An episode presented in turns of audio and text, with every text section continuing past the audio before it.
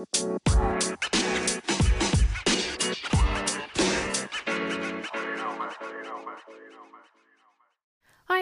mijn naam is Janneke en welkom bij mijn Positief met Pubers podcast. De podcast waarin ik elke week vragen van ouders beantwoord over het opvoeden van pubers. Iets wat ik geweldig vind en waar ik gewoon heel blij van word. Ik denk graag met je mee, geef je concrete suggesties die je direct kan toepassen in jouw situatie. Mijn doel met deze podcast is jou te inspireren en te triggeren om anders te gaan kijken naar je puber, anders te gaan praten tegen je puber en anders om te gaan met puberproblemen.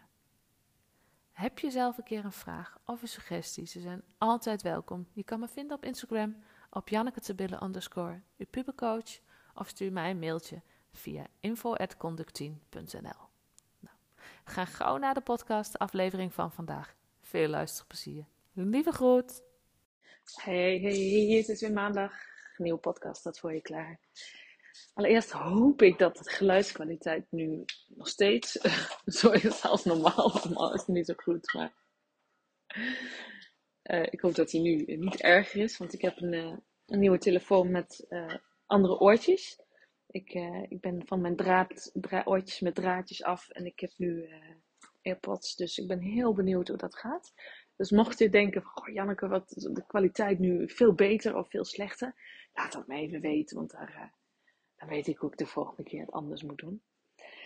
Goed, anyhow, uh, genoeg op dat, dat stukje. Uh, ja, ik heb een uh, heel rustig weekend gehad. Ik heb niet zoveel gedaan. Natuurlijk wel even mijn, mijn webinars even gefine-tuned, want ik toch na de eerste keer, vorige maandag, had ik zoiets van, ah, ik, mis nog iets. Het nog niet, voelt niet goed. Dus ik heb iets aangepast. En uh, heel concreet betekent dat dat ik uh, de tips die ik maandag gaf, uh, donderdag niet gegeven heb. En uh, toen ik hem donderdag gaf, dacht ik, ja, dit is het meer. Dit is meer wat ik wilde delen. Dit is wat ik wilde geven en de waarde die, wil, die ik wilde geven. Dus nou, mocht je er de eerste keer bij zijn geweest en denken, goh Janneke, maar wat, wat heb je nu anders gedaan? Ja, weet je, schrijf je gewoon in en dan kom je erachter. Goed, nou ja, weet je, het waardevolle aan die masterclasses is, is die Q&A. En daarin uh, komen zulke interessante vragen. Vragen ja, die heel veel ouders hebben, maar ook vragen die uh, misschien wat minder herkenbaar zijn. En deze, een, een, vraag die dit keer gesteld werd door moeder, werd ook herkend door meerdere ouders. En de, nou ja, ik zal niet de hele vraag herhalen, maar ik ga wel de kern met je herhalen en daarna mijn visie opgeven. Want ik, ja, weet je, ik vind daar wat van. En uh, het was ook het statement wat mijn, uh, wat mijn ouders altijd hadden, tenminste, nou, niet zo kort door de bocht, maar wel op die manier. Dus ik denk dat die, uh, nou, ik vind hem heel, heel krachtig, laten we het zo zeggen. Het ging er eigenlijk om dat een puber, nou ja, eind al wel, dus echt richting 18, 19, 20 jaar, niets bijdraagt aan huis. En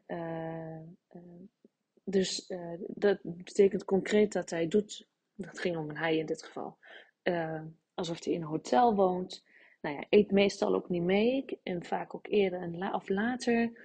Maar uh, ja, wil niet praten, vertelt zelden wat, uh, sluit zich af, is totaal niet geïnteresseerd in, nou, überhaupt andere mensen in huis, maar ook niet geïnteresseerd in steun, sturing of inspiratie. En als je al een gesprek met hem hebt, wat al super lastig is, komt er eigenlijk niks uit. Daarbij gaat hij ook nog over jouw grenzen heen. Dus stel je eens even voor dat jouw puber dat zou doen. Wat zou jij doen?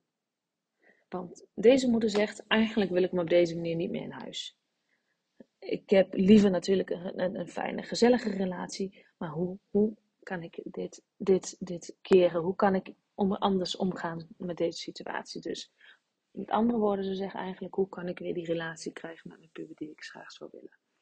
Nou, heel interessant, want uh, zoals deze moeder ook zei, nou, deze puber doet eigenlijk niks in huis. Ze doet het alsof het een hotel is. Nou, dan krijg ik altijd al de kriebels.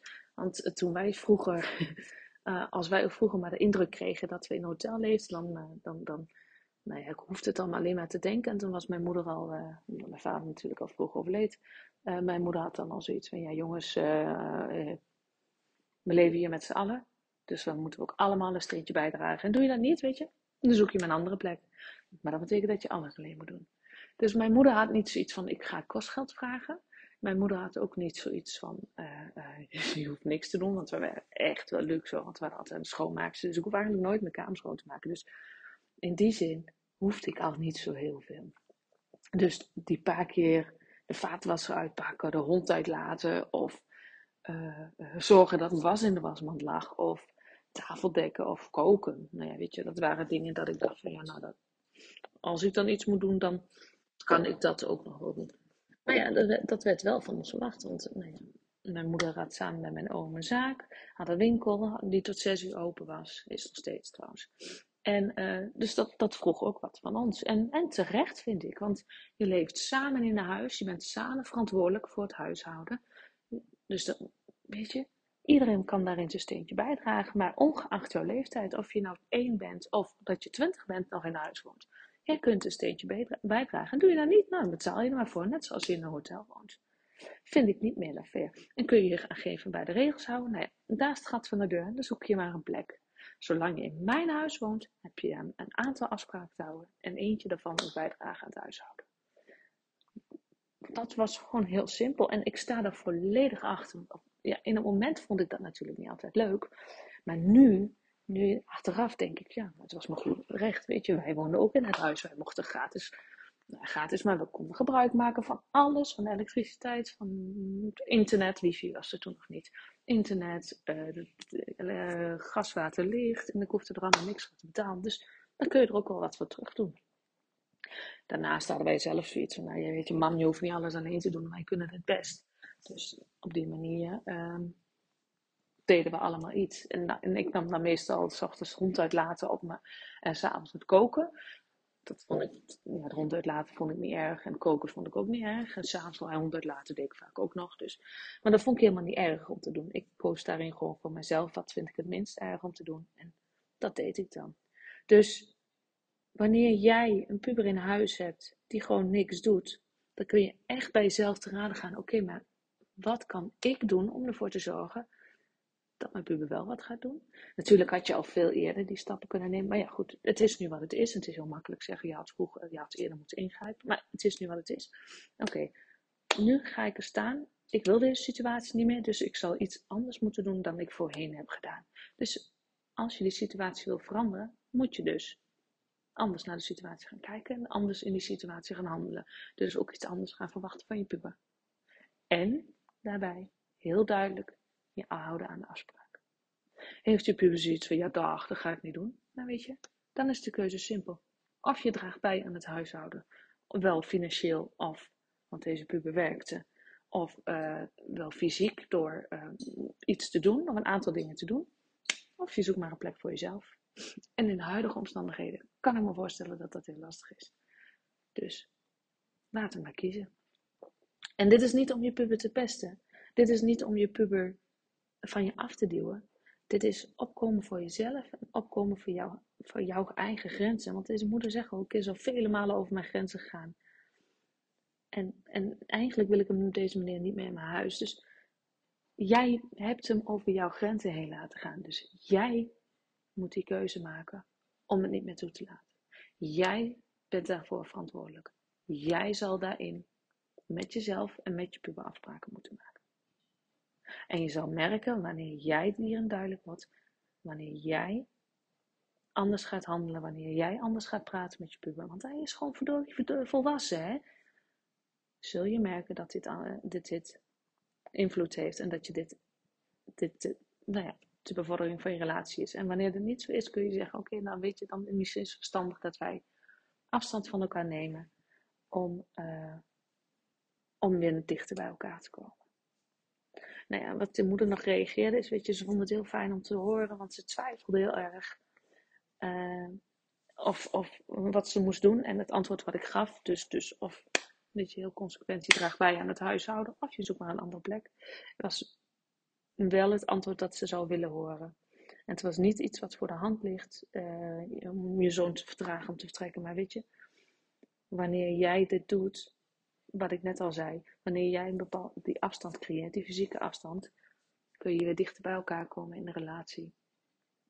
En ook hier, en dat ik bij deze moeder ook weer doorgeven, de allebei de moeders weer doorgeven, doe vooral wat hierin goed voelt voor jou.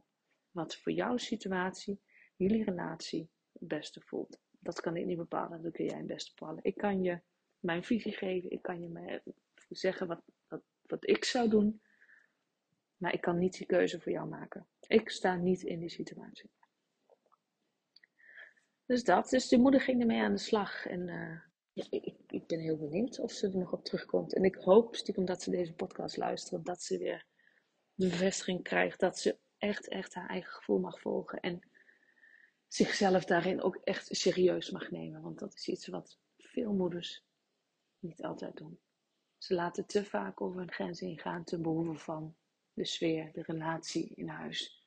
Terwijl ze zelf ook belangrijk zijn. Want wanneer jij niet goed zorgt voor jezelf, dus wanneer jij anderen dus over jouw grenzen heen laat gaan, kun je ook niet goed zorgen voor iemand anders.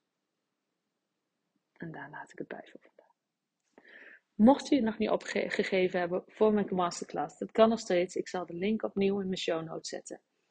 Het is helemaal gratis en ja, weet je, de reacties die je krijgt, ze zijn zo waardevol. De ouders geven aan dat ze het zo waardevol vinden, dat het heel erg logisch klinkt en dat het even fijn is om het weer even opnieuw te horen en dat ze ermee aan de slag gaan en dat ze denken, oh ja, ja, ja, doen, ja, het doen, want dat is het. Het horen, weet je, prima dat je het hoort.